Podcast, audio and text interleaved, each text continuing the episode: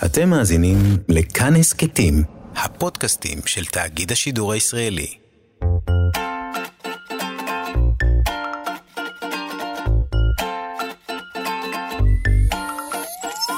כאן תרבות מציגה. המעבדה לילדות ולילדים. ולילדים. לילדות. המעבדה לילדות ולילדים. עם גיל מרקוביץ. בשיתוף מוזיאון הטבע של אוניברסיטת תל אביב. שלום, אני גיל מרקוביץ'. אני שמחה לצאת איתכם למסע בעקבות שאלה. המסע הזה כבר מוכר לכולנו. נתחיל בשאלה, נשמע תשובה, ונתגלגל בעקבותיה אל שאלות נוספות. במהלך המסע יצוצו עוד שאלות, וחשוב שנלמד לדבר עליהן עם ההורים, עם אחיות ואחים, עם חברים, כדי שנחשוב ביחד על פתרונות אפשריים. וגם חשוב לזכור, לעתים יש דברים שאין עליהם תשובות. קדימה, בואו נתחיל. קוראים לי יעל אילנה דניס, אני גרה במודיעין ואני בת תשע וחצי. אי פעם נעקצתם? זו חוויה לא נעימה. נסו, בכל זאת, להיזכר מה הרגשתם כשזה קרה. מה בדיוק כאב, ואיזו מין תחושה נוצרה במקום שנפגע. ועכשיו, שימו לב לשאלה של יעל. אם עוקצים או נושכים חיה שיש לה אור עבה, היא תרגיש את זה? פרופסור שי מאירי ודוקטור אחיק דורצ'ין סיפקו לנו את התשובה. שי הסביר לי שתלוי מי נושך ומי עוקץ. העוקץ או השיניים צריכים להיות מספיק גדולים וחדים כדי לחדור את שכבת האור. למשל, אם שכבת האור של הפיל או של הצב עבה יותר מאורך העוקץ של הדבורה שעוקצת אותם, אז העוקץ לא יגיע לשכבות העמוקות שמתחת לאור. בעצם מה שכואב לנו בעקיצה איננו המגע של העוקץ עם האור, אלא החדירה שלו אל העצבים, שבהם מורגש הכאב. לא סתם נהוג לומר אור של פיל על מישהו שאינו מספיק רגיש לאחרים. אחיק הסביר לי שיש מינים של דבורים שהותאמו במהלך השנים לעקוץ יונקים, ויש גם יונקים שעברו שינויים שגרמו להם להתאים את עצמם לעקיצות, וכך הם פגיעים פחות. אחיק סיפר לי את הסיפור של גירית הדבש. גירית הדבש שייכת למחלקת היונקים. היא בעלת אור עבה מאוד. כשהיא מנסה לזלול דבש, הדבורים תוקפות אותה בעקיצות, אבל הן בקושי משפיעות עליה, בגלל האור העבה שלה. העקיצות המוצלחות של הדבורים, כלומר אלה שמונעות מהגירית להמשיך לאכול את הדבש ומרחיקות אותה, הן העקיצות שפוגעות במקומות שבהם אור הגירית דק. למשל באזור הפנים, סביב העיניים ובאף. במקרה של עקיצת הדבורה, הארס שהיא מזריקה הוא שגורם לכאב. הארס של דבורת הדבש, מין אחד ממינים רבים של דבורים, חזק במיוחד, ולכן מכאיב מאוד. גם דבורים אחרות עוקצות, אבל הארס שלהן חלש, והשפעתו נמשכת זמן קצר בלבד. גם אנחנו בני האדם שייכים למחלקת היונקים. אבל האור שלנו דק, ולכן העוקץ חודר את האור בקלות והארס מוזרק. איך הדבורה עוקצת? כבר הכרתם את ראי בפרקים קודמים. השאלה ששאל כעת מתאימה בדיוק לתחום המחקר של דוקטור אחיק דורצ'ין. אחיק מומחה לדבורים, הוא מנהל את אוסף הדבורים במוזיאון הטבע, ושמח להשיב גם על השאלה הזאת. נתחיל בעובדה מעניינת, בעלת העוקץ היא הדבורה הנקבה. לדבורה ממין זכר אין עוקץ. הסיבה שרק לנקבה יש עוקץ היא שהעוקץ התפתח ממה שבעבר היה צינור הטלת הביצים, כלומר הצינור שדרכו יצאו הביצים מגוף הדבורה החוצה אל העולם. ומי מטיל ביצים? במקרה של הדבורים, רק נקבות. ולכן מעכשיו נדבר רק על הדבורה הנקבה. האבות הקדומים של הדבורים כלומר מינים של צרעות שמהם התפתחו הדבורים, הטילו ביצים באמצעות צינור ההטלה, אבל בתהליך ההשתנות של המינים צינור ההטלה הפך לעוקץ, והיום ההטלה מתרחשת דרך פתח אחר בגוף הדבורה. כיום הצינור משמש בעצם רק לעקיצה והפרשת ארס לצורך הגנה או התקפה של אויבים טבעיים. העוקץ בנוי מחומר קשיח שנקרא חיטין. כל הרקמות הקשות בגוף הדבורה נמצאות בחוץ, כלומר יש לה שלד חיצוני קשיח, ושאר מערכות הגוף נמצאות בפנים, בתוך השלד הקשיח. זה הפוך מאיתנו. אצל בני האדם השלד הוא פנימי. המבנה של העוקץ הוא ארוך ומחודד, והוא משמש לעקיצה. הוא יכול לחדור לתוך רקמה רכה בקלות. העוקץ מופעל על ידי שרירים שנמצאים בתוך הגוף. כשהוא לא בפעולה, הוא טמון בחלל הבטן של הנקבה. העוקץ נכנס לפעולה רק כשהדבורה בסכנה, ואז היא שולפת אותו החוצה. בזמן העקיצה, העוקץ מחובר לבלוטת הארס, והיא מפרישה את הארס דרך צינור העוקץ. דבורת הדבש, החרק המוכר לנו, וגם הכי נחקר בעולם בגלל השימוש החקלאי שעושה בו האדם, מתה לאחר שעקצה. אבל יתר הדבורים דווקא לא מתות לאחר שעקצו את האויב. דבורי בר יכולות לשלוף את העוקץ מגוף הנעקץ ולעקוץ עוד כמה פעמים. דבורת הדבש, לעומת זאת, לא יכולה לשלוף את העוקץ מגוף הנעקץ. ההבדל הזה קשור גם הוא לתהליכי ההשתנות של המינים במשך הזמן, אבולוציה. ההשערה היא שדבורת הדבש השתנתה כך שהעוקץ שלה יתאים לעקיצה של יונקים. לכן העוקץ שלה אחר, הוא משונן. לכן דבורת הדבש גם לא יכולה לשלוף את העוקץ מאור היונק, כי השיניים לא מאפשרות יציאה חלקה של העוקץ החוצה.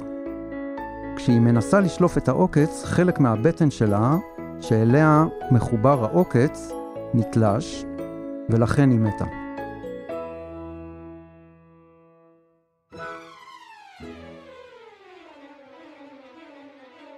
דבורת הדבש השתנתה בהתאם ליונקים, משום שיונקים רבים חומדים את הדבש שהיא מייצרת, למשל גיריות, דובים ובני אדם. אלה האויבים הטבעיים שלה, שמפניהם היא מתגוננת. למעשה, הדבורה מקריבה את חייה למען המושבה. למערכת הזאת, שכוללת גם את בלוטת הארס, יש מנגנון שממשיך לעבוד גם אחרי שהדבורה מתה. המנגנון ממשיך להפריש את הארס אחרי מות הדבורה, ואף מפריש פרומונים, כימיקלים שגם דבורים אחרות יכולות לחוש. כך דבורים אחרות יודעות לאן להגיע כדי לעקוץ גם הן את האויב הטבעי.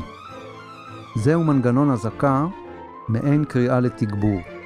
הארס של דבורת הדבש חזק, אבל עקיצה אחת בלבד לא תספיק לשכנע אויב כמו גירית דבש לא לחמוד את הדבש שוב. בדבורים אחרות, שאינן דבורת הדבש, המנגנון הזה לא התפתח, כי אין להן ארגון חברתי משוכלל. אין מושבה, אין מלכה ואין פועלות, אלא הדבורים הן יחידאיות. גירית הדבש ודובים למיניהם אוהבים לאכול דבש. ומה אוכלת הדבורה? אני שקד פרידמן, אני באתי מכפר האורנים, ואני בת שבע וחצי. צוף. שקד שאלה אותנו, למה הצוף מושך את הדבורים? הדבורים הן חרקים צמחוניים, והמזון שלהם הוא צוף ואבקה. זו דוקטור נטע דורצ'ין. נטע אחראית לאוסף החרקים במוזיאון הטבע, חוקרת חרקים. למדנו בעונה הראשונה מהו השם המקצועי האקדמי של המומחיות של נטע, אנטומולוגית. צוף הוא סוכר שמומס במים. יש עוד חומרים בצוף שהזחלים של הדבורים ניזונים מהם. הדבורים אוספות את הצוף כדי לספק אנרגיה ומזון לעצמן ולצאצאים שלהן. כדי לאסוף את הצוף, הדבורים משתמשות בחדק קטן. הן מכניסות אותו לתוך הפרח ומוצצות באמצעותו את הצוף כמו בקשית.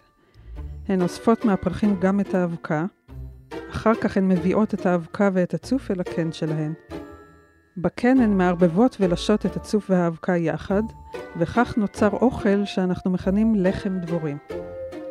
האוכל הזה מכיל אנרגיה מהסוכר שבצוף, וחלבונים מגרגירי האבקה.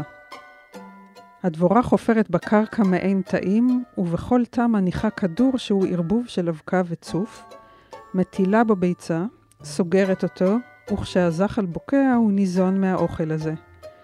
כל זה נכון אגב רק לדבורים שבטבע, דבורי בר, ולא לדבורים שמייצרות דבש שאנשים משתמשים בו. למדנו על המזון שלהן, על העוקץ, ועל כך שיש מינים רבים של דבורים. אז נצרף גם את שאלתו של הראל בהט בנוגע לדבורים. איך נולדות דבורים? איך נולדות דבורים? נטע סיפקה מעט רקע בטרם צללה אל התשובה. ישראל עשירה בדבורים באופן יחסי לשטח שלה. יש בה בערך 1,200 מינים של דבורי בר. דבורי דבש ועוד כמה מינים של דבורים הן דבורים חברתיות שחיות בחברה, אבל הרוב המכריע של הדבורים אינן חברתיות, אלא יחידאיות, וכל אחת מהן בונה את הקן הייחודי לה לבדה. רוב הדבורים מקננות בקרקע, במחילה שהן חופרות, או בחלל קיים שמישהו אחר חפר. אבל יש גם כאלה שמקננות בתוך עצים מתים או בגבעולים חלולים. הן אוהבות את החללים האלה. יש דבורים שנתמכות בשבלולים ריקים ושם בונות את הקן. אחרי שהדבורים מוצאות את מקום הקן, הן מביאות אליו את האוכל שהן אוספות. הן מטילות ביצה בתוך הקן וסוגרות את הפתח. דבורים בונות כמה קינים כאלה, ויש קינים שיש בהם הרבה חדרים, ובכל חדר ביצה אחת. מן הביצה הזאת בוקע הזחל. כשהזחל בוקע, הוא אוכל ומתפתח. הדבורים החברתיות מאכילות את הזחל שלהן, אבל היחידאיות פשוט מאחסנות את המזון בתוך התא, והזחל אוכל אותו בעצמו. אחרי כמה שבועות הזחל מתגלם, כלומר הופך לגולם. כשבוע או שבועיים לאחר תקופת הגולם נוצרת הדבורה הבוגרת. היא מגיחה ויוצאת מן הקן. תקופת הזחל של הדבורה היא התקופה הארוכה ביותר בחיי הדבורה. תקופת הגולם קצרה יותר, ואורך חייה של דבורה בוגרת הוא שישה שבועות בסך הכל לדבורי הדבש, ודבורי הבר חיות קצת יותר. כמה שבועות אחדים בלבד, וואו. אני תוהה מה הייתי בוחרת לעשות בכמה שבועות אחדים בלבד. ואתם? כיצד הייתם מממשים את הזמן? בואו נסכם את הפרק. השחקניות הראשיות של פרק זה הן הדבורים. התחלנו מהקשר בין עובי האור של בעל החיים ומידת הרגישות שלו. למדנו שעובי האור של בעל חיים ישפיע על האופן שבו בעל החיים מרגיש עקיצה או נשיכה. אם האור דק, העוקץ חודר בקלות ופוגע במערכת העצבים. עקיצה של דבורה למשל לא משפיעה באופן זהה על בני אדם ועל צבים ופילים, כי האור שלהם עבה בהרבה מזה של האדם. למדנו שמינים בטבע משתנים באיטיות במשך השנים. ההשתנות קשורה גם במאפיינים של הסביבה שבה הם חיים, לאיומים ולהזדמנויות שיש בה. כך קרה שהעוקץ של דבורת הדבש הוא משונן, הארס שבו חזק, ויש בו גם מנגנון מבוסס פרומונים שקורא לדבורים האחרות להגיע ולעקוץ את בעל החיים שחומד את הדבש. וזו רק דוגמה אחת להשתנות כזאת. דבורים הן חרקים צמחוניים, והמזון שלהן הוא צוף ואבקה. בצוף ובאבקה יש הרבה סוכר וחלבונים, כלומר הרבה אנרגיה שנחוצה לדבורים. למדנו שלמרות מה שמקובל לחשוב, דבורי דבש ועוד כמה מינים של דבורים הן דבורים שחיות בחברה, והרוב המכריע של הדבורים אינן חברתיות, אלא יחידאיות, וכל אחת מהן בונה את הקן הייחודי לה. הן מטילות ביצה בקן, או בכל פתח בקן, וסוגרות את הפתח, כדי שהזחל שיבקע מהביצה ימשיך להתפתח, יהפוך לגולם, ובסופו של דבר, לדבורה בוגרת.